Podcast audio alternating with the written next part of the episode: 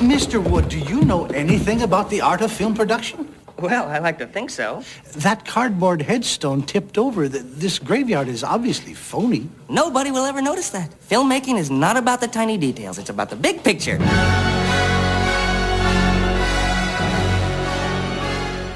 En welkom bij Julius versus Jasper, de podcast waarbij we twee films eh, tegenover elkaar zetten. Eentje daarvan moet de prullenbak in en de ander mag blijven bestaan. En tegenover mij zit weer Julius. Hallo. En aan deze kant van de tafel zit Jasper. Dus we zijn compleet. En het is maart 2019 en dat is het moment dat Tim Burton met een nieuwe film komt. 27 maart komt hij met Dumbo. Nou, die hebben we allebei nog niet gezien. Maar zo'n nieuwe film is altijd wel een mooi excuus om het maar te hebben over de maker in kwestie. En dat gaan we ook doen. Naar aanleiding van twee films van hem. Maar voordat we beginnen, laten we even beginnen over de maker in het algemeen. Jullie, wat, wat, Tim Burton in het algemeen, wat is? Wat, wat vind je? Ehm, Ja, nou, eh, eh, eh, vroeger als tiener was ik wel echt fan en noemde ik hem geloof ik ook wel eens als, als favoriete regisseur. En ja, Edward Scissorhands natuurlijk. En ik heb ook nog een keer heel even in een rij gestaan om mijn Edward Scissorhands DVD te laten signeren. Toen hij op het eh, Imagine eh, was, het Ah. filmfestival. Dat, dat toen nog eh, het Amsterdamse Fantastische Filmfestival heette of zo. Amsterdam Fantastic. Is het niet gelukt? Nee, die rij was veel te lang. Oh. En zo graag wilde ik het nou ook weer niet. Er stond één meisje in de rij die was helemaal verkleed als een personage uit Nightmare Before Christmas. Die, eh, die, die, die lappenpop, die Nina Hagen pop, zeg maar. Eh, die mocht toen wel even voor. Toen bleek dat. Want er stonden gewoon heel veel mensen in, dat ging gewoon nooit meer lukken. Die rij die was, die stond echt van, eh, als je Tuschinski kent, eh, van de deur van Tuschinski tot Pathé de Munt. En hij moest gewoon verder. Dus we kwamen er niet aan toe. Maar goed, ik vond het ook weer niet zo erg. Want nogmaals, ja, eh, hij is nooit. Ik heb hem nooit echt. Hij was wel. eh, ik vond hem wel goed vroeger. Maar deels heeft hij dat natuurlijk eh, een beetje zelf verpest. door eh, een behoorlijk aantal eh, vrij slechte films te maken de laatste jaren. Deels ook, denk ik nu als ik terugkijk naar zijn eerdere werk. was het allemaal wel zo fantastisch. Hij wordt heel vaak gezien als iemand die, het, die erg houdt van buitenbeentjes en van outsiders. En die het eh, ook voor die groep opneemt. Maar eigenlijk is, het, is hij behoorlijk conservatief in zijn eh, visie. Dat zie je bijvoorbeeld in, in Edward Scissorhands. Edward is dan zo'n buitenbeentje. En, en, en die film wordt dan wel eens besproken als een soort satire op dat... eh, op, op, op, op, op de American eh, suburbs, waar ze dan niet kunnen omgaan met zo'n Edward Scissorhands. En, maar dat is eigenlijk eh, houdt Tim Burton volgens mij ontzettend van die suburbia. Want die buitenwijk waar Edward in terechtkomt, wordt heel vrolijk neergezet. En al die mensen zijn heel blij dat hij er is. En de enige reden dat hij uiteindelijk eh, nou ja, weg moet. Ik bedoel, in het plot is daar wel een reden voor. Maar het, is, het, het punt van de film lijkt te zijn dat dit soort mensen gewoon niet in de maatschappij kunnen functioneren. En daarom eenzaam moeten sterven, omdat er nou eenmaal geen andere oplossing is. Ja. Hij heeft ook allemaal van die versjes over kinderen die een soort rare aandoening hebben, van Oyster Boy of zo. En, en het, is, het is ook allemaal van, deze kinderen zijn zo. En dat is heel tragisch, dus kunnen ze niet leven. Bijna altijd als Tim Burton het over outsiders heeft, dan is het, het lijkt het hele punt te zijn... Het is alleen maar tragisch en zielig en ze zijn eenzaam en het lukt niet met ze. Ja, en hij is natuurlijk ook eh, vooral heel bekend vanwege die, die nou ja, laten we het woord maar gebruiken, duistere eh, Ja. films. Wat, wat toen misschien wat vrij vernieuwend was. Ehm, hij maakt een beetje familiehorror. Dat, Ja. dat is hem met, met misschien zijn eerdere films, Beetlejuice. Hij heeft natuurlijk met Batman een eh, enorme hit te pakken gehad. Mhm. Ehm, ik moet zeggen dat als ik zijn werk bekijk, dat dat eerste, eerste dingen die hij maakt, zoals Beetlejuice en Batman, prima. Daarna vond ik de films van hem interessant worden. Een beetje het midden van zijn categorie, van zijn carrière, waar ook eh, mijn film die ik vandaag ga bespreken eigenlijk eh, uitkomt.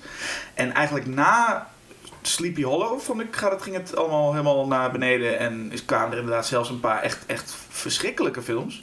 Dus, Ja, en hij is nu ook helemaal niet meer... Als je in de jaren 90 had gezegd... Tim Burton gaat Alice in Wonderland verfilmen... dan was dat wel eh, een gave film geweest. maar die als je twee nu- hoorden bij elkaar, zou je bijna Ja, denken. maar als je nu kijkt wat hij ervan gemaakt heeft... hij heeft eigenlijk Alice in Wonderland veel minder Tim Burton gemaakt dan het verhaal was. Het boek is een, is een, is een ontzettend eh, surrealistisch en absurd en op momenten ook echt duister boek. Waar eigenlijk nauwelijks echt goed en kwaad in te onderscheiden is. En hij verdeelt heel Wonderland in goed en slecht. En dit zijn de helden, dit zijn de schurken. En weet je, de Mad Hatter en, en, en de Cheshire Cat, wat in het boek echt totaal chaotische personages zijn. Ja, hij geeft eigenlijk een soort van regels in, iets, in een verhaal waar geen Ja. regels in zou moeten zitten.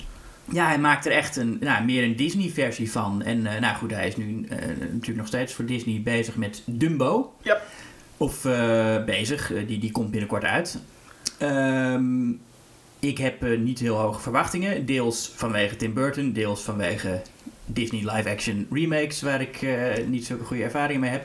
Hoewel, ik vond Maleficent nog wel leuk in die trend. Dat was ook niet echt een remake, dat was gewoon echt een, een andere take op dat verhaal. Maar- Waar volgens mij ook eh, best wel leuke ideeën in eh, zaten. Maar zoiets als Beauty and the Beast, ja. de- Maar ook hierin zouden we volgens mij wel kunnen stellen dat als je in de jaren 90 hoorde dat Tim Burton Dumbo ging doen, had je alsnog misschien zoiets van, oh, dat kan interessant worden.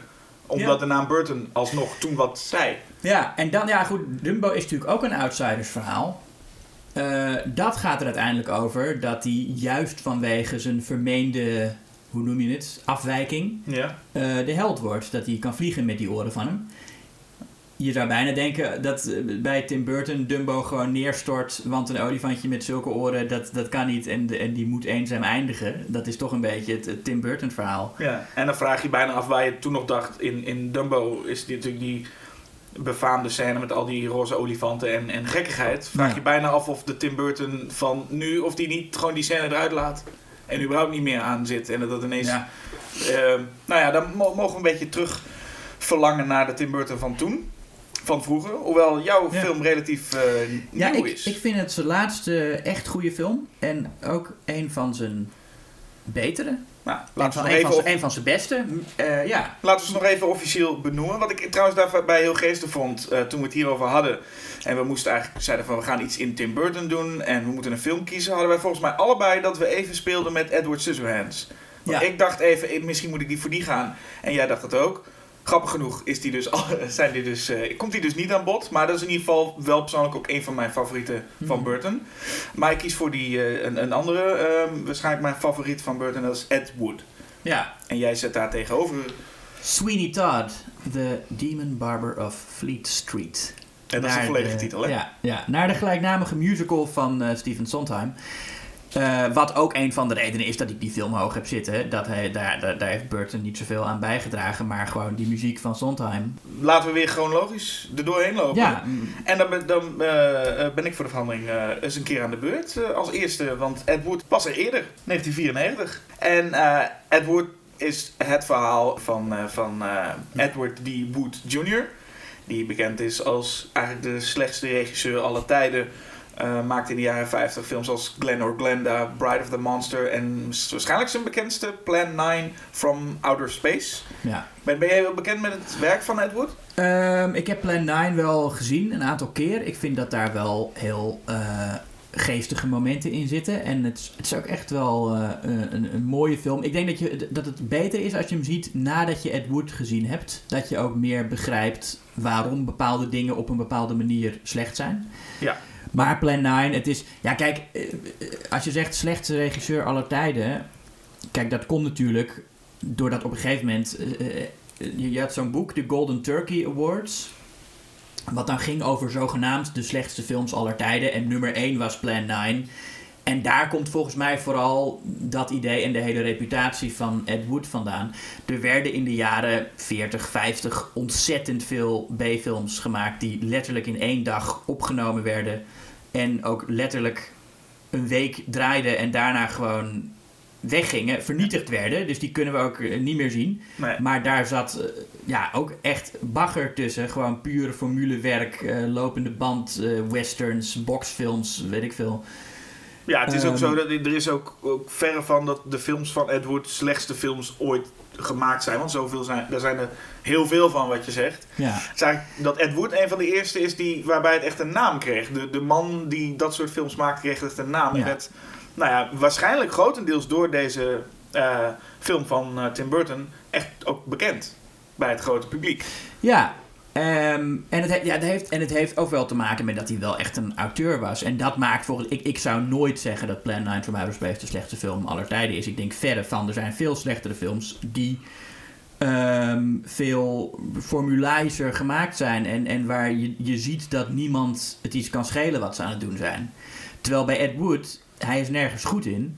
Maar je merkt wel dat het hem iets kan schelen. En dat hij heel erg probeert om ook in de dialogen poëtisch te zijn. En ik vind vooral, de, de, er zitten echt hilarische stukken tekst. Kijk, dat al die decors nep zijn en omvallen en zo, dat is op een gegeven moment, ja, dat is grappig, maar Ja, daar kun je verder niet zoveel mee. Maar ik vind zijn eh, eh, pogingen tot poëtische dialogen zijn vaak zo mooi, dat die, op een gegeven moment heb je dan, is in Plan 9 from Outer Space, dan loopt Bela Lugosi zo heel somber door, door, door zijn eh, wijk in Hollywood. En dan hoor je zo de vertelstem. Die zegt dan van... eh, de, want, want zijn vrouw is dood. En dan zegt die vertelstem... The sky to which they had once looked... was now just a cover for her dead body. Dat je, en wa- waar slaat dat op? De lucht waar ze ooit naar hadden gekeken... Weet van, oh ja... Dat, want, want ja, iedereen kijkt wel eens naar de lucht. Was nu alleen nog maar bedekking. Het, het slaat nergens op, maar het klinkt poëtisch. Ja. En het, het, het heeft een soort, een soort kinderlijke naïviteit. Ja, en zo begint Ed Wood de film ook eigenlijk. Ja. Het begint met een, eh, een, een, een theaterstuk. Waarbij, eh, nou ja, een vrij slecht theaterstuk. Maar waarbij je wel meteen Ed Wood eh, in, de, in de coulissen ziet. En hij praat alles na. Hij, hij eh, weet precies de teksten. Hij, je voelt het dat hij trots is. Want gaandeweg krijgen we een beetje door dat Ed Wood niet echt een hele goede filmmaker is. En ook voor heel veel dingen interesseren hem niet zo heel erg. Maar hij denkt wel dat hij echt kunst aan het maken is. En hij gelooft er echt in. Ja. Maar Ed Wood is een, een ehm, nou ja, laten we gewoon zeggen, een, een vrij naïeve idioot eigenlijk. Hij is heel naïef en heel blij en hij, zo loopt hij, loopt hij rond. Ehm, maar hij heeft ontzettende passie. En daarom wat ik al meteen al knap vind en goed vind, is dat Ed Wood, de, de hoofdpersoon, niet in de zijk zet. Burton zet hem niet in de Ja. zijk, maar er geeft echt een soort van ode. Ja. En dat had heel makkelijk gekund als van, kijk, we gaan nu even lachen om deze, deze gek. Uh, en dat doet Burton niet. En dat vind ik sowieso al ten eerste al heel, uh, heel goed. Wat natuurlijk gewoon leuk is aan Ed Wood, is wat je zegt, die uh, bordkartonnen decors en zo. Maar goed, dat had je in heel veel van dat soort films die gewoon heel goedkoop waren. Wat bij Ed Wood heel leuk is, is dat hij gewoon heel snel tevreden is. Hij, ja. de, iemand moet door een deur lopen stoot overal tegenaan, ziet de deur niet goed, loopt dan uiteindelijk door die deur en Ed Wood zegt, nou, dat staat erop. En dan staan de andere investeerders staan naast hem en zeggen, maar het ging niet helemaal goed, moet het niet nog een keer? Nee, nee, nee, nee, nee, nee, is goed zo, we gaan door. A man his size would have trouble coming to a door. Precies, dus hij verklaart het voor zichzelf, hij denkt, nou, het is goed zo en we gaan door. En dat is wel iets wat hem, uh, wat, wat het een heel uh, fijn uh, personage maakt. Maar er moet wel gezegd worden dat Ed Wood, ondanks dat het film Ed Wood heet en gespeeld door Johnny Depp, is niet de ster van Ed Wood. En ik vind de ster van Ed Wood is toch uh, Martin Landau als Bella Lugosi.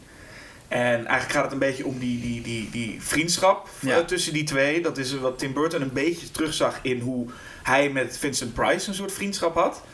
En ja. Tim Burton heeft ook met, met Vincent Price gewerkt, ook aan Edward Scissorhands. En uh, is Vincent ook Price ook... heeft zijn eerste, het eerste korte animatiefilmpje van Tim Burton, toen hij nog helemaal, helemaal niemand was eigenlijk, heeft, Tim, heeft, heeft Vincent Price uh, uh, willen inspreken. Ook die Vincent heet toch? Ja. ja dus een soort ode aan, aan, aan, aan Vincent Price. En hij zag in die vriendschap iets wat, uh, wat Ed Wood had met Bela Lugosi. Bela ja. Lugosi die was inmiddels al, al, al niemand meer. In ieder geval, heel veel mensen maken ook de opmerking in de film. Is hij niet al dood? Ja. En nie, niemand is meer geïnteresseerd in Bela Lugosi. En Ed Wood ziet hem en denkt... Nou, dit is een, een. Hij heeft natuurlijk respect voor Bela Lugosi, maar hij denkt ook... Hé, hey, ik heb een ster nodig voor als ik in een film, film wil maken. Nu is dat niet heel bijzonder, want Ed Wood ziet allerlei dingen op zijn, in zijn leven... waarbij hij meteen denkt, dat ga ik of wil ik gebruiken. Uh, stock footage krijgt hij te zien. En hij ziet hij van rennende buffels. En hij denkt, ja, zonde als je dat weg gaat gooien... Dat moet in de film. En eigenlijk alles wat hij zo doet, hij komt iemand tegen, hij ziet een worstelaar en hij denkt, nee, die is dus een grote ja. man. Die kan in mijn film. Zo gaat hij eigenlijk door het leven heen. Dat hij iedere keer iets ziet en denkt, die wil ik in mijn film. Maar met Bela Lugosi krijgt hij wel een soort van, um, een hele mooie band. Daar moet bij gezegd worden, Martin Landau speelt hem ook fantastisch. En Rick Baker heeft ook nog eens een keer de eh, make-up gedaan, wat ook fantastisch is. Mhm. Dus dat, eh, het plaatje eh, klopt helemaal. Het is ook een van de redenen dat de film in zwart-wit opgenomen is. Wat natuurlijk ook gewoon een esthetische keuze is. En ehm, heel mooi is. Maar daar heeft Burton natuurlijk wel voor moeten vechten. Ja, En een van de redenen dat, het uiteindelijk, dat hij dat erdoor heeft gekregen... is ook dat Martin Landau in kleur gewoon niet... Dat je dat, wie, wie is dit? Want Bela Lugosi is nog, heeft nog nooit in een kleurenfilm... niemand weet hoe Bela Lugosi in kleur eruit ziet eigenlijk. Nee, klopt. En hij moest er sowieso inderdaad... Eigenlijk hoort zo'n film als dit ook in zwart-wit. Ja, Maar hij moest kennen we ook alleen maar in zwart-wit. Hij moest ervoor vechten. En eh, Columbia, die eigenlijk de film zou maken, die zei ook nee, gaan we niet doen. Eh, dus kwam eh, Burton bij Disney terecht. En Disney die heeft het onder, de, onder, de, onder hun... onder Touchstone heeft Disney het uitgebracht. En Disney die dacht ook, ja, het is volgens mij een budget van 18 miljoen. Nou, Disney vond dat niet heel veel. Dus Burton kreeg Ja. ook gewoon volledige vrijheid. Mocht gewoon lekker doen wat Ja. hij wilde.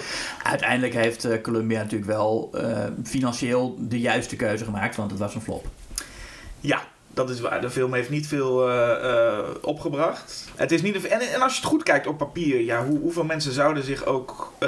zou dit ook eh, aanspreken, vraag je je dan af. Ja, een biopic van iemand die eh, de meeste mensen niet kennen. Ja, en die ook nog niet goed is dan. Dat is een beetje... Ja. Nou ja, je ziet het nu, we- we- een tijdje geleden was er dus de, de Disaster Artist. Ik weet niet hoe die het gedaan heeft, maar dat was ook een film over een man die, eh, nou ja, Tommy Wiseau, die, niet, die dus een slechte filmmaker was. En dan vraag je je ook af, ja, dat klinkt niet als een film die iedereen naar de bioscopen zal trekken. Nee, maar dat, die werd ook veel meer als comedy in de markt gezet. Eh, en Ed Wood eh, is, heeft ook wel heel geestige momenten. Zeker, zeker. Er zijn, heel, er zijn heel wat momenten die heel komisch zijn, maar ook echt wel heel wat momenten die hartverwarmend zijn. Ja, En dat is een hele bijzondere combinatie die echt bij Ed Wood heel goed werkt, vind ik. En je verwacht in eerste instantie, nou, dan gaan we lachen. Dan gaan we lachen om, om ruimtescheepje eh, aan touwtjes en aan gekke, gekkigheid. En eigenlijk deed Tim Burton het later, zijn volgende film was Mars Attacks. En daar deed hij eigenlijk, dat was eigenlijk zijn ode aan van, kijk, hier is nu een heleboel gekkigheid. Ja. En, en wat ik zou doen als ik een soort, zo'n soort film moest maken. En als je die dan twee films zo naast elkaar zet, dan is Ed Wood eigenlijk een heel ingetogen mooi drama. Ja, De film opent en meteen komt eh, Jeffrey Jones uit een, een, eh, een doodskist. Die vertelt, die heet ons welkom. En daarna krijg je eh, op Ed Wood-style de, een, paar grafstenen te zien waar de namen van de acteurs op, op staan. En dat, vo- doen- nou, dan heb je meteen het gevoel, oh, het wordt, dit zo, het wordt zo'n film. ja. Het wordt niet zo'n gewoon zwart met witte letters van we gaan nu naar een, een biopic kijken. Ja, het is heel expressionistisch geschoten. Het is denk ik ook geschoten zoals Ed Wood zijn films had willen schieten als hij het talent en het geld ervoor eh, had. Ja, dat gevoel krijg je ook inderdaad. En het, wat ik ook vind, ehm, het is niet zomaar een, een biopic. Daar is eigenlijk nog wel vaker discussie over. Is een biopic nou eigenlijk, moet je dan eh, alles vertellen zoals het echt is gegaan? Ik Ja. zelf vind absoluut van niet. Er is een hele discussie laatst ontstaan ook weer van, eh, over de nieuwe Queen film, Bohemian Rhapsody. Waar heel veel mensen zeiden, ja, maar zo ging het in het echt niet. Waarbij ik altijd denk, maar een biopic maakt gewoon de beste film. En ik snap best dat je dingen moet, eh, ja, moet veranderen voor het verhaal. En dat gebeurt hier eigenlijk heel duidelijk.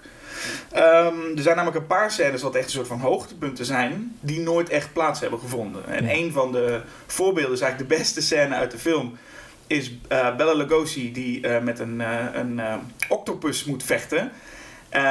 In Bride of the Monster is dat volgens mij. Ja, klopt. En daar moet hij dan het water in. En hij heeft er eerst helemaal geen zin in. Dan, dan, dan eh, neemt hij een, een, eh, spuit hij zichzelf even vol in de auto. En dan kan hij er tegenaan. Maar iemand is de motor van de octopus vergeten. Dus Bella Lugosi moet zelf even gaan rollen. En met die, met die, ehm, met die octopusarmen over zich heen. Dat was in het echt eigenlijk gewoon een stuntman. Nou ja, als je dan denkt van... Ik snap best dat ze niet gekozen hebben voor een stuntman. Maar omdat ze echt Bella Lugosi daarin wilden zien. Daarnaast is er een, eigenlijk ook een belangrijke scène waarin ehm, Ed Wood eh, Orson Welles ineens ontmoet. Ja. En dat is een scène waarbij ehm, wat ook nooit heeft plaatsgevonden. En dat is. Nee, en, en, maar dat weet je ook, hoop ik, als je die film kijkt, krijg je op een gegeven moment wel het gevoel dat, het, eh, dat je gewoon naar een subjectief verhaal zit te kijken. Dat alles, zeg maar, echt vanuit de blik van Ed Wood. En je hebt natuurlijk wel die afstand omdat jij ziet dat het niet zo goed is wat hij doet. Maar eh, je, je zit toch wel in zijn wereld. En volgens mij is het helemaal niet de bedoeling dat wie dan ook die film kijkt en, en denkt van, oh, heeft hij echt Orson Welles ontmoet? Natuurlijk weet je dat het niet zo is.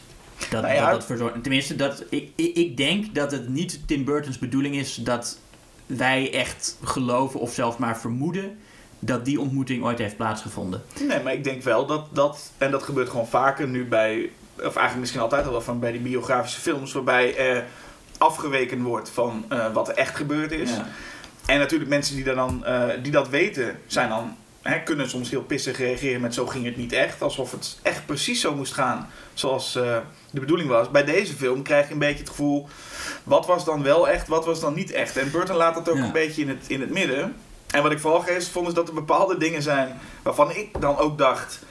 Nou, dit zal wel een beetje aangedikt of verzonnen zijn. En dat blijkt dan echt zo te zijn. Zoals er een... eh Bella Lugosi is op een gegeven moment dood.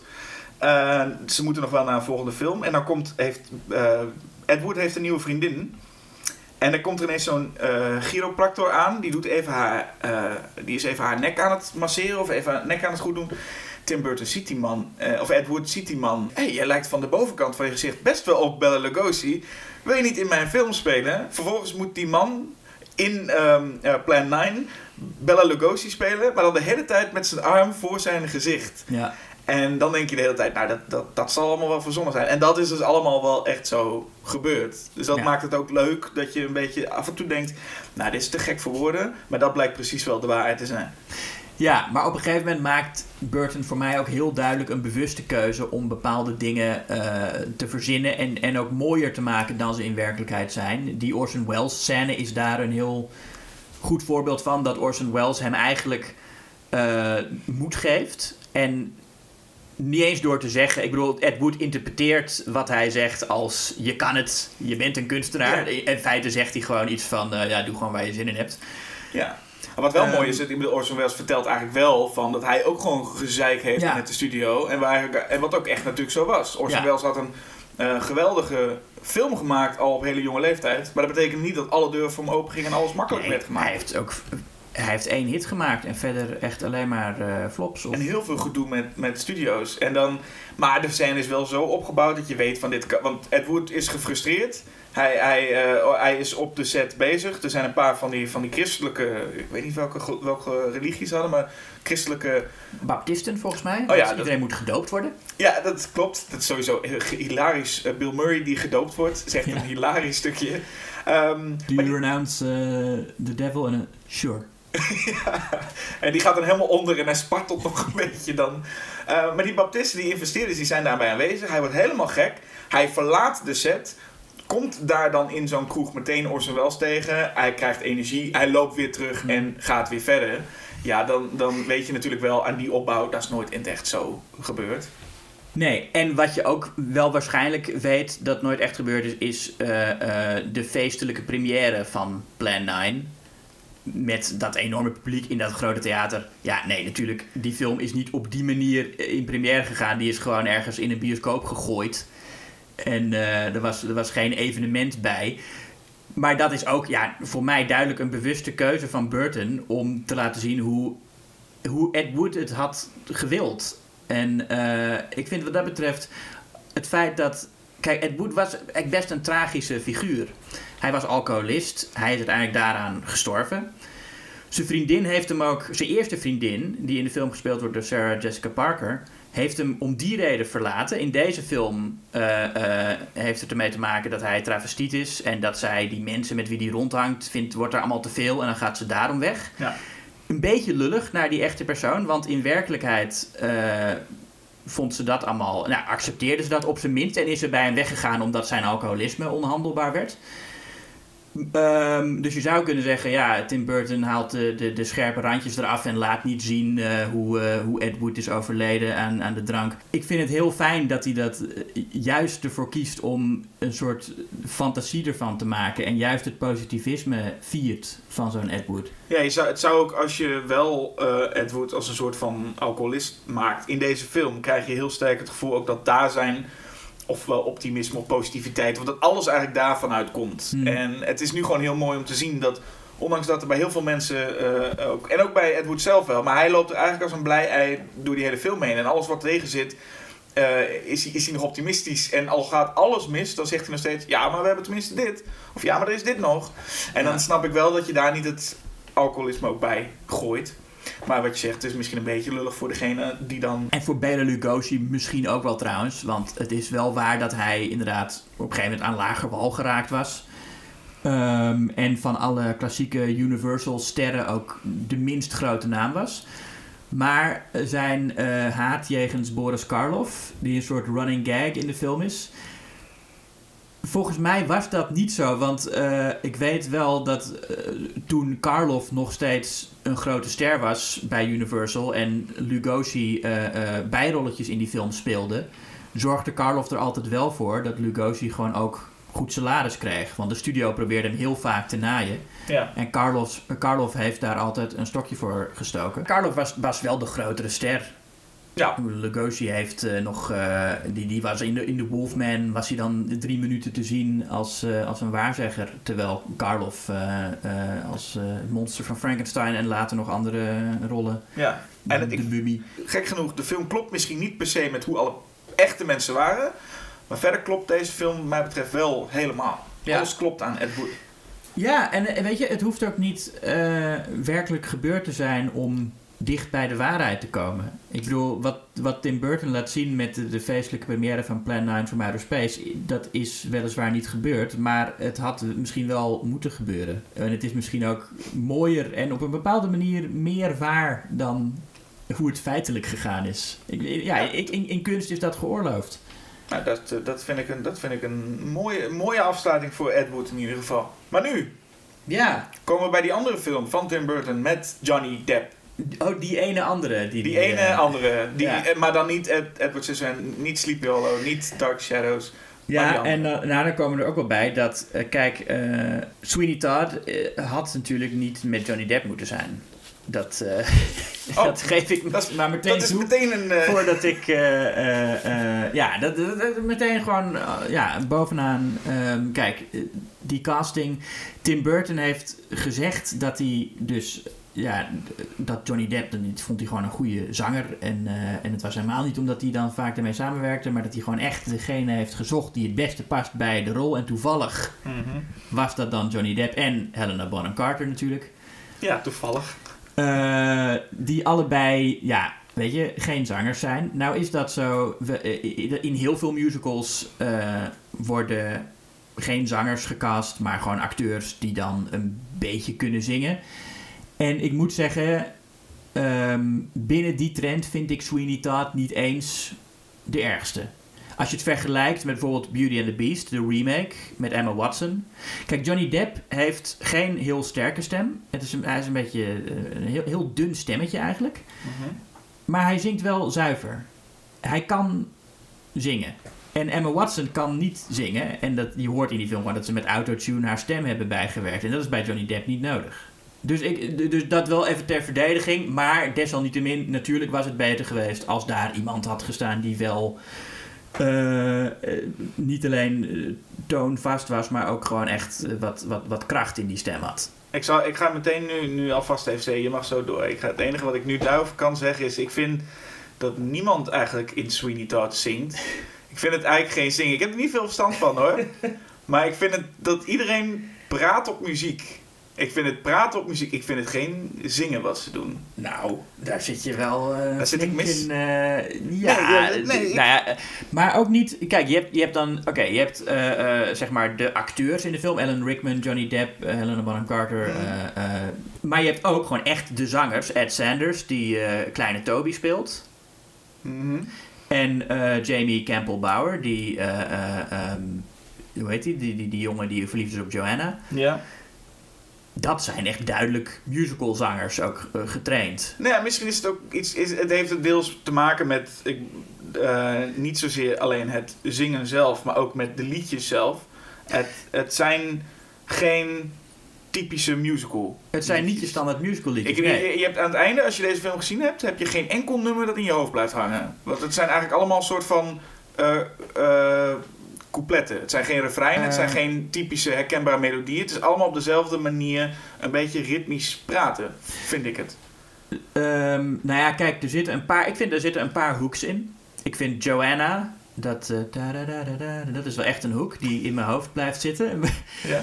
Ehm, en eh, ja, wa- waar, het, waar de musical mee begint, dat is eigenlijk het beroemdste nummer. The Ballad of Sweeney Todd, eh, gezongen door eh, het, het koor. En eh, dat hele koor dat is uit Burton's film. Ehm, en dus ook het beroemdste openingsliedje. Wat best een gewaagde keuze is trouwens, om, om het beroemdste lied van de film eruit te halen. Maar goed, ik vind het ook wel een goede keuze, denk ik. Ehm, en, maar wat je zegt dat het niet echt liedjes zijn. Kijk, nee, het, het zijn geen typische musical nummers. Er zitten ook niet echt eh, eh, dansjes bij. Het is ook niet, het is niet dat je eerst een stuk dialoog hebt en dan een liedje begint en dat het ook dan duidelijk weer afgelopen is. Het is meer, ze zitten in een soort wereld waarin ze af en toe praten en af en toe wat zingen. Ja, maar dat je af en toe ook echt door hebt van dat je al een, al een halve minuut of een minuut naar een liedje aan het luisteren bent. Dat je dan pas denkt, wat praat ze? Oh, ze is een, oh is het, dit is zingen. Dit is een liedje. Oh, dat wist ik niet. Dat ja, gaat zo maar, om nou te zeggen dat ze niet aan het zingen zijn, eh, dat Nee. vind ik wel ver. Nee, dat, dat is gewoon onzin, Jasper. Ik bedoel, het, kijk, het, is, het, het- het vergt wel eh, sowieso ritmegevoel en ook voor de meeste eh, rollen in deze film wel echt eh, toonvastheid. En het is een veel eh, complexere eh, geschreven stuk dan de meeste musicals. Ik bedoel, als je kijkt naar iets wat, wat Andrew Lloyd Webber maakt van Jesus Christ Superstar, dat soort liedjes. Ja, oké, dat, dat zijn pakkende nummers. Maar wat Sondheim doet, eh, is, vind ik van een veel hoger niveau en veel interessanter. Het is niet je standaard musical, maar het, zijn, het is wel echt een heel. Het is e- ook een van Sondheims meest complexe eh, stukken. Ja, En, ik- en ik, vind, ik vind het heel mooi. dat is ook heel goed. Dat is ook heel goed. Ja, dat is dan een, een, een, een, smaakding. Want ik zeg ook niet dat elke musical dus maar van die nummers moet hebben die je mee kan neurien. En waar, waar je naar de, als je de bioscoop uitgaat nog mee zingt of mee neuriet. Maar Ah, deze waren wel zo ehm, niet memorabel. Meer dat ik gewoon, ik, je hoort de nummers en het is gewoon inderdaad, er komt een ritmetje onder en je hoort ze een beetje eh, wat, wat praten, wat mompelen. Maar het is, het, is niet, het is niet heel catchy. Nee, dat Ehm, hoeft het misschien ook niet per se te zijn. Maar het valt wel meteen op dat je een volledige musical hebt waar echt wel heel veel wordt gezongen. En echt veel. eh, waarbij niks catchy is. Dan wordt het wel, vond ik het in ieder geval gaandeweg wel wat vervelend worden. Nou, de meeste musicals hebben inderdaad wel een paar echt catchy nummers. Die je ook, als je... Ja, en dat is ook natuurlijk omdat een musical... Het idee is, als je dat op, op, op, op toneel ziet... Dan hoor je die nummers één keer. En dan is het belangrijk dat je, met, dat het meteen, dat je meteen die hoek hebt. Dat je meteen dat nummer in je hoofd hebt zitten. En dat je dat bij het verlaten van het theater nog nazingt. En Sondheim is een wat complexer componist dan dat. En eh, maakt muziek die je misschien nog een paar keer moet draaien voordat je doorkrijgt hoe goed het is en hoeveel er eigenlijk gebeurt. In veel van die ogenschijnlijk vrij simpele kleine dingetjes, hoe gelaagd dat is. En eh, ook qua tekst trouwens, hij is ook een, naast briljant componist ook een heel goede tekstschrijver. Maar ehm, nee, Sondheim maakt inderdaad, zeker in Sweeney Todd, muziek die, waar je wat langer naar moet luisteren voordat, je, voordat het in je hoofd gaat zitten. Ja, maar los ja, daarvan. een smaakdingetje. Ja, dat, dat, eh, de- Een smaakdingetje. Nou, is eigenlijk de hele, de- deze hele podcast gaat natuurlijk om, om, om smaak. En, eh, maar de rest van de film, zeg jij ook, eh, daarom zet je hem ook tegenover Edward. eh, wat vind je verder van de film? De film Sweeney Todd. Nou ja, ik Waarom vind is hij zo goed? Ehm, het is, kijk, het, het- het is een vrij uniek, een best serieuze horror musical. Als je aan horror musical denkt, dan denk je, ja, wat hebben we dan? Ja, Rocky Horror Picture Show. Een film die zichzelf niet echt serieus neemt. En ja, ook echt horror, kun je het eigenlijk ook nauwelijks noemen. Meer een soort Shop of Horrors is een beetje van hetzelfde niveau. Ja, dus ook, maar ook vooral een comedy. Ja.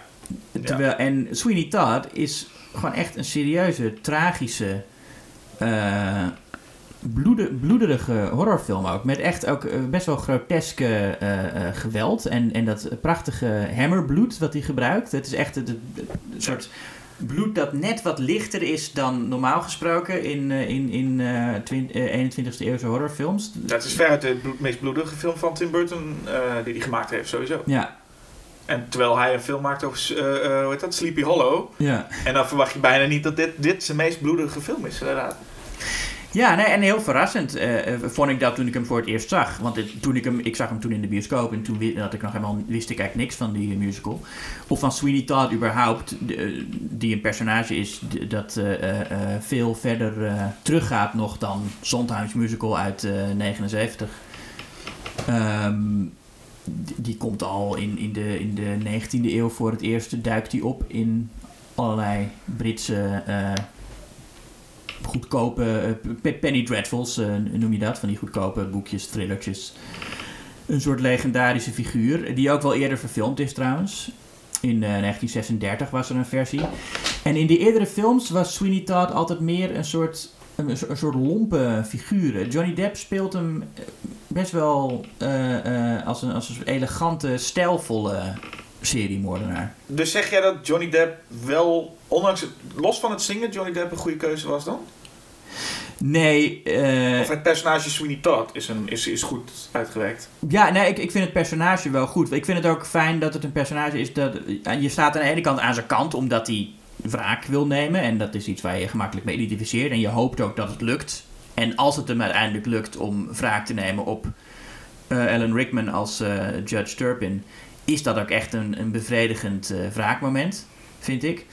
Maar aan de andere kant, je weet natuurlijk ook dat Sweeney Todd al vrijwel meteen eh, veel te ver gaat eh, in, in, in zijn wraak. En dat die, weet je wel, al, al die onschuldige mensen die hij daarvoor moet afslachten, of moet, dat... Ze, la- ze laten wel een beetje zien natuurlijk. Hè? Dus één moment, dat is wel een van de mooiste scènes uit de film, is dat hij ehm, eh, eigenlijk in één nummer gaat hij alle verschillende, allemaal verschillende mensen die op zijn eh kapperstoel komen, gaat hij af. Ja, Totdat er eentje zit die eh, een gezin heeft. En dan besluit hij die, dus besluit hij die maar te gaan, laten gaan. Waarbij je toch nog het gevoel krijgt, ah, er zit nog wel...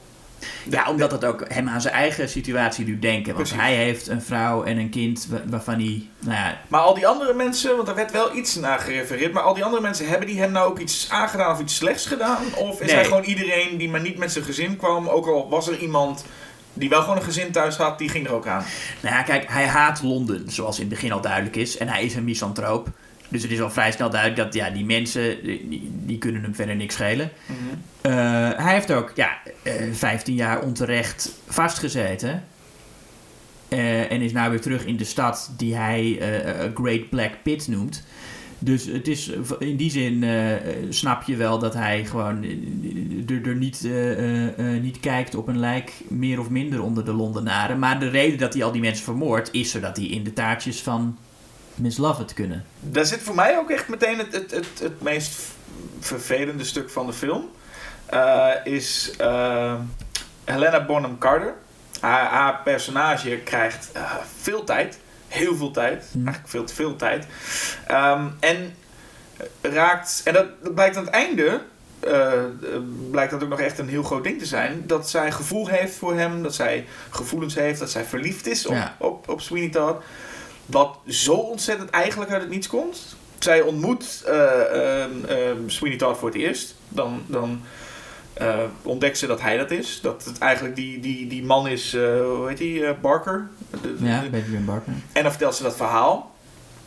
En dan liegt ze over wat er is gebeurd met zijn vrouw. Of eigenlijk liegt ze, verzwijgt bepaalde informatie over wat er met zijn vrouw... Want die leeft eigenlijk nog. Ja. Dat blijkt uit, aan het einde van de film.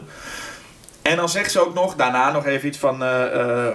you've, you've seen better days of iets dergelijks. Dus ze vindt hem, nou ja, hij, heeft een, hij ziet er niet heel best uit, heel bleek.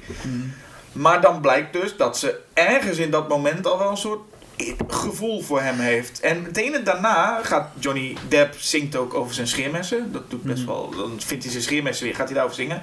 En je hoort haar de hele tijd dan op de achtergrond zingen van... eh, oh, I love you too, Mr. Todd. And if you only knew, I'm here too, I'm your friend.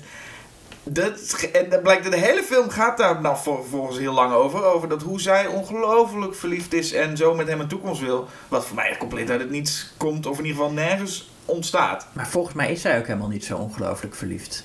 Maar waarom gaat dan de hele Zij- film daarover? Met dat ze zelfs op een gegeven moment een heel nummer, wat helemaal niet nodig was, op het strand zit. En dat ze gaat praten over haar toekomst met, met Sweeney Todd. En dat, daar gaat het toch voornamelijk over. Ja, maar dat is gewoon. Dat is helemaal ook niet hoe Sweeney Todd is. Ik bedoel, hij zou nooit met haar op dat strand onder zo'n parasol, onder die boom, weet je wel, in, in die kleurrijke wereld die zij dan fantaseert. Ja. Ja, dat, Nee, hij, maar dat zie je ook aan hem. Maar hem, hij voelt daar niks voor. Hij zit daar ook alleen maar te denken, hoe kan ik eh, Alan Rickman eh, de keel doorsnijden? Ja. Zij wil wel echt met hem verder. Ja, nee maar, nee, maar zij wil met wie dan ook. Kijk, zij is gewoon een, een vrijgezelle vrouw met een slechte bakkerij in Victoriaans Londen. Die denkt, ik, die, die wanhopig is. En eigenlijk elke man die aandacht voor haar zou hebben. Ik denk, als het, als er iemand anders was die daar binnen was gelopen en een gesprek met haar, dan was ze zo obsessief over die persoon gegaan. Maar hij heeft ook geen Want die- aandacht voor haar. Nee. Nee, nee, nee, maar goed, hij, hij praat even met haar en ze hebben samen een plan. Ja, En ik, dus vind het- het dus heel, ik vind het heel begrijpelijk dat, zo, dat, dat zo'n vrouw dan eh, zo wanhopig. Je moet je, is ook al ja, ze is, is niet getrouwd en in Victoriaans Londen is het, is het, ben je dan, weet je, als je, als je boven de 40 bent en nog niet getrouwd als vrouw, dan is er toch wel iets mis in, in, in die maatschappij. Dus ik snap heel goed dat zij iedere kans aangrijpt. En als je dan kijkt naar wat ze allemaal wil met hem, dan zijn het helemaal geen dingen die. die zij fantaseert gewoon een versie van hem die heel anders is dan hoe hij in het echt is. En ze, en ze wil ook altijd dat die Toby erbij is, dat kleine jongetje dat ze dan aannemen. Ja. Zit ook in die fantasie, echt als deel van hun gezin. Dus zij heeft een soort gezin in haar hoofd gefabriceerd, zij met z'n drieën. Ehm, wat in werkelijkheid, ja, Oké, die jongen die werkt gewoon voor ze, dat is helemaal niet hun kind. De maar de reden, dus, dus eigenlijk wat ik zeg is, uh, Johnny Depp komt binnen, hij zegt hoi, zij wordt verliefd. Dat is eigenlijk wat er ook letterlijk, wat je zegt, dat gebeurt er ook eigenlijk letterlijk. Alleen, dat hoort bij haar personage, Ja. want zij wil gewoon, oké. Tot zover kan ik dat dan begrijpen. Dat zou ik ook kunnen verwachten als de rest van de film wel als liefdes wel een beetje, een beetje gaan zoals je verwacht. Maar dan is er een opgesloten dochter. En een jongen die zeg maar nog minder contact heeft dan eh, Carter en, en Deb. Hij ziet namelijk alleen maar haar uit een raam. En hij zegt dan: Ik ben verliefd, ik, ik ga je redden. Ik ga alles doen om je te redden. Dus betekent dat dat die jongen ook, elke dame die die was tegengekomen, waarschijnlijk ook meteen verliefd was? Nee, dat is, dat is wel echt een liefde op het eerste gezicht verhaal eh, waarin je mee moet gaan met die sprookjeslogica. Ik weet nou niet helemaal of het de bedoeling is dat ehm, wij denken dat ze elkaar al eerder ontmoet hebben. Want die film begint er inderdaad mee. Je ziet die jongen samen met Sweeney Todd op zo'n schip aankomen in Londen. Even later loopt hij over straat en ziet hij door een raam Joanna zitten. Hij, hij weet dan wel al hoe ze heet.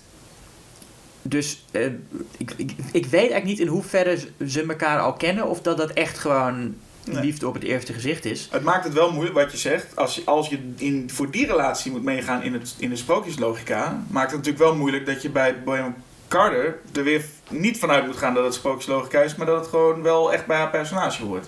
Dat maakt het natuurlijk verwarrend dat ze dat in deze film zo Ja. bij elkaar stoppen. En het plan wat je daarna krijgt is dat die, die dochter, want er ontbreken steeds scènes lijkt het bijna. Er- gaan heel veel scènes gaan heel lang door, maar de, die, die twee hebben geen contact. Hè? De dochter van Deb en die jongen. Ik, heb, ik heb geen idee hoe die allemaal heten. Maar dat, maar, en, en ineens gooit zij een sleutel uit het raam naar hem toe. En er is verder helemaal geen contact geweest, niks eh, tussen hen.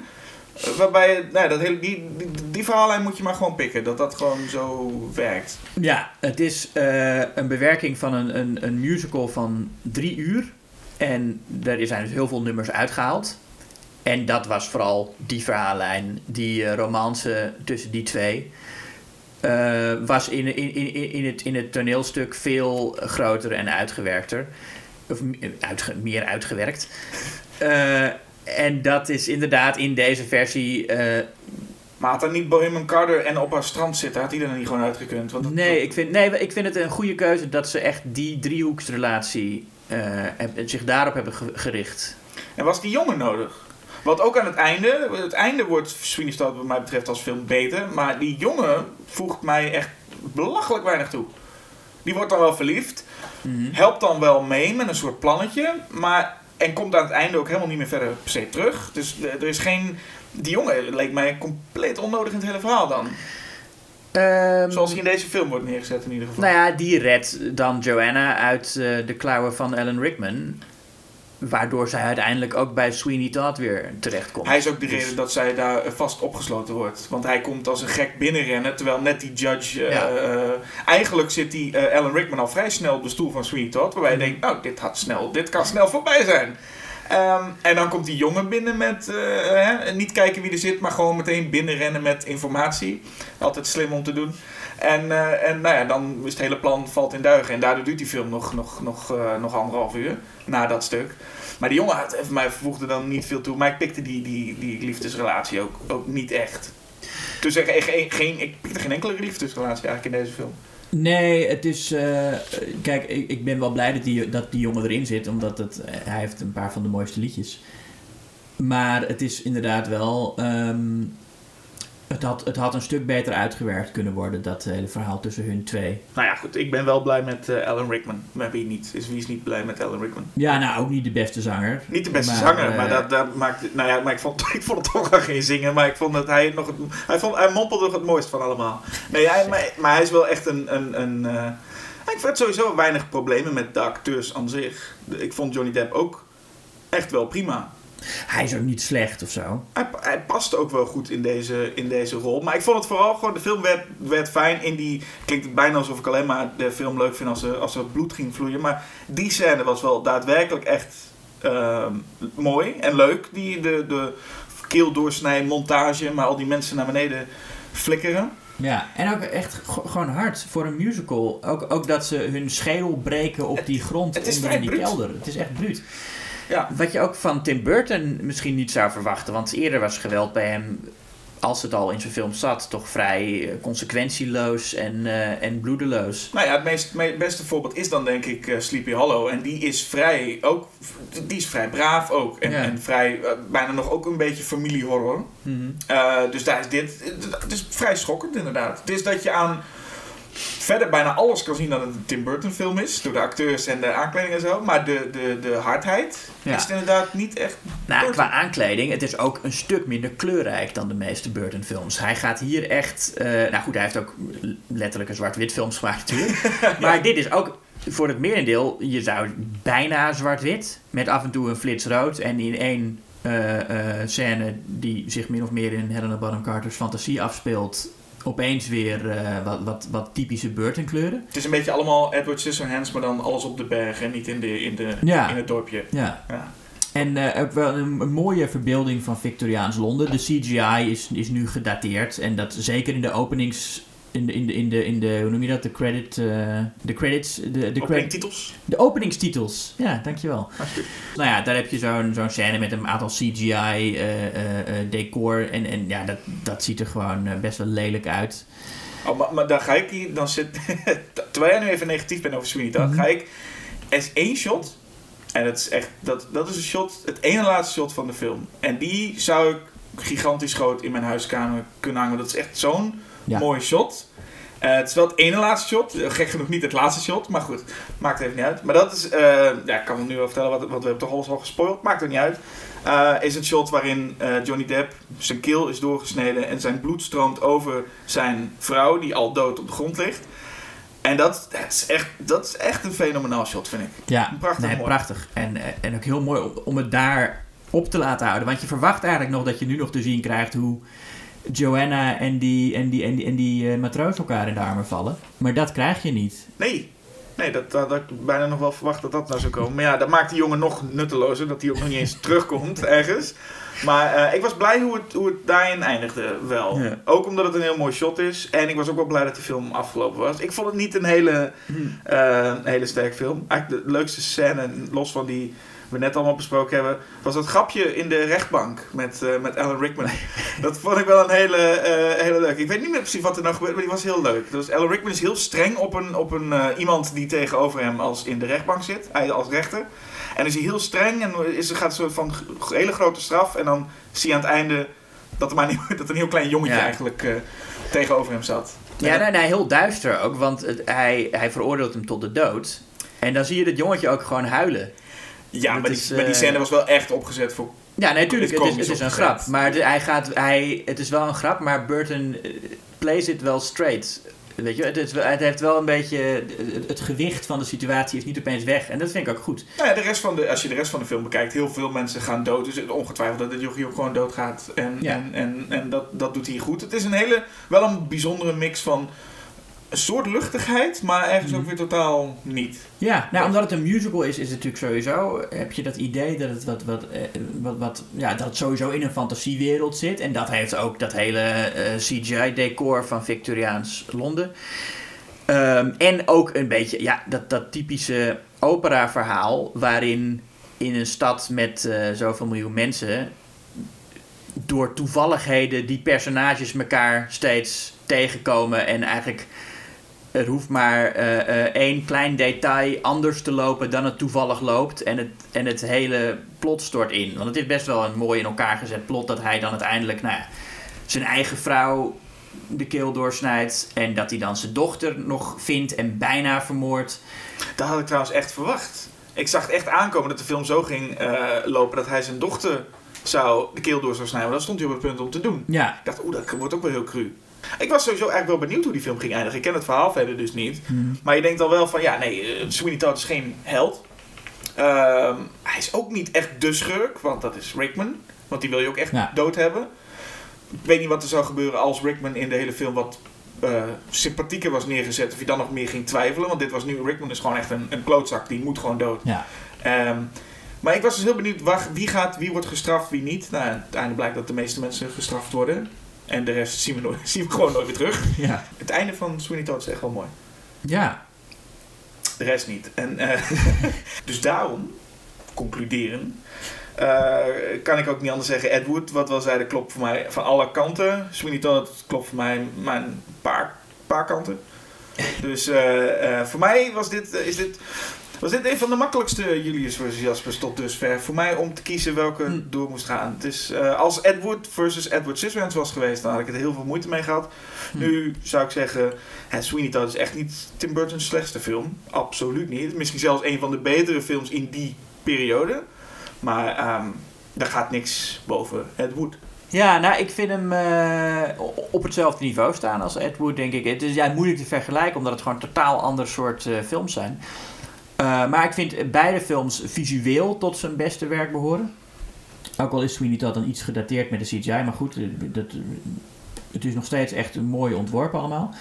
En uiteindelijk, ja, kijk, het, het, feit dat, het een, dat, dat je met Sweeney Todd echt iets unieks hebt, een serieuze horrormusical, met ook nog eens een van de mooiste, m- muzikaal een van de mooiste musicals die ooit zijn geschreven, zeg ik eh, Sweeney Todd. Ja, ik dacht eerst ook dat van nou, het grote publiek zal ongetwijfeld ook wel Ed Wood aanwijzen. Of in ieder geval alle schokkend nieuwsluisteraars zullen altijd wel voor Ed Wood gaan. Maar toen zag ik dat Sweeney Todd best wel... Ik dacht namelijk dat hij eh, heel erg bekritiseerd werd. Maar die is best wel goed ontvangen ook. Ja. En best wel goede recensies. Dus ook dat is nog wel een geliefde film. Dus ik ben, Ja. ben wel benieuwd welke film eh, de, de luisteraar zou kiezen als je moet kiezen tussen Ed Wood of Sweeney Todd. Wat zou denk je, als even los van deze twee films, wat zou eh, het grote publiek kiezen als beste film van Tim Burton? Het grote publiek. Eh, ik weet niet of het eh, kleinere publiek mag ook. Nee, maar bedoel je dan? Ja, kijk, ik, ja, Zou Batman Eh, eruit komen of toch? Ja, kijk, Batman was natuurlijk zijn grootste hit. Maar ik denk dat als je die nu kijkt, dat de meeste mensen dat niet meer een van de beste superheldenfilms vinden. Nee. Ehm, ik denk dat dan eerder of iets als Edward Scissorhands. Ik hoor, eh, ik hoor veel mensen ook heel positief over Big Fish. In ieder geval die bij het hele grote publiek ja, oh ja, Big heel Fish. vaak Ja, ja, ja.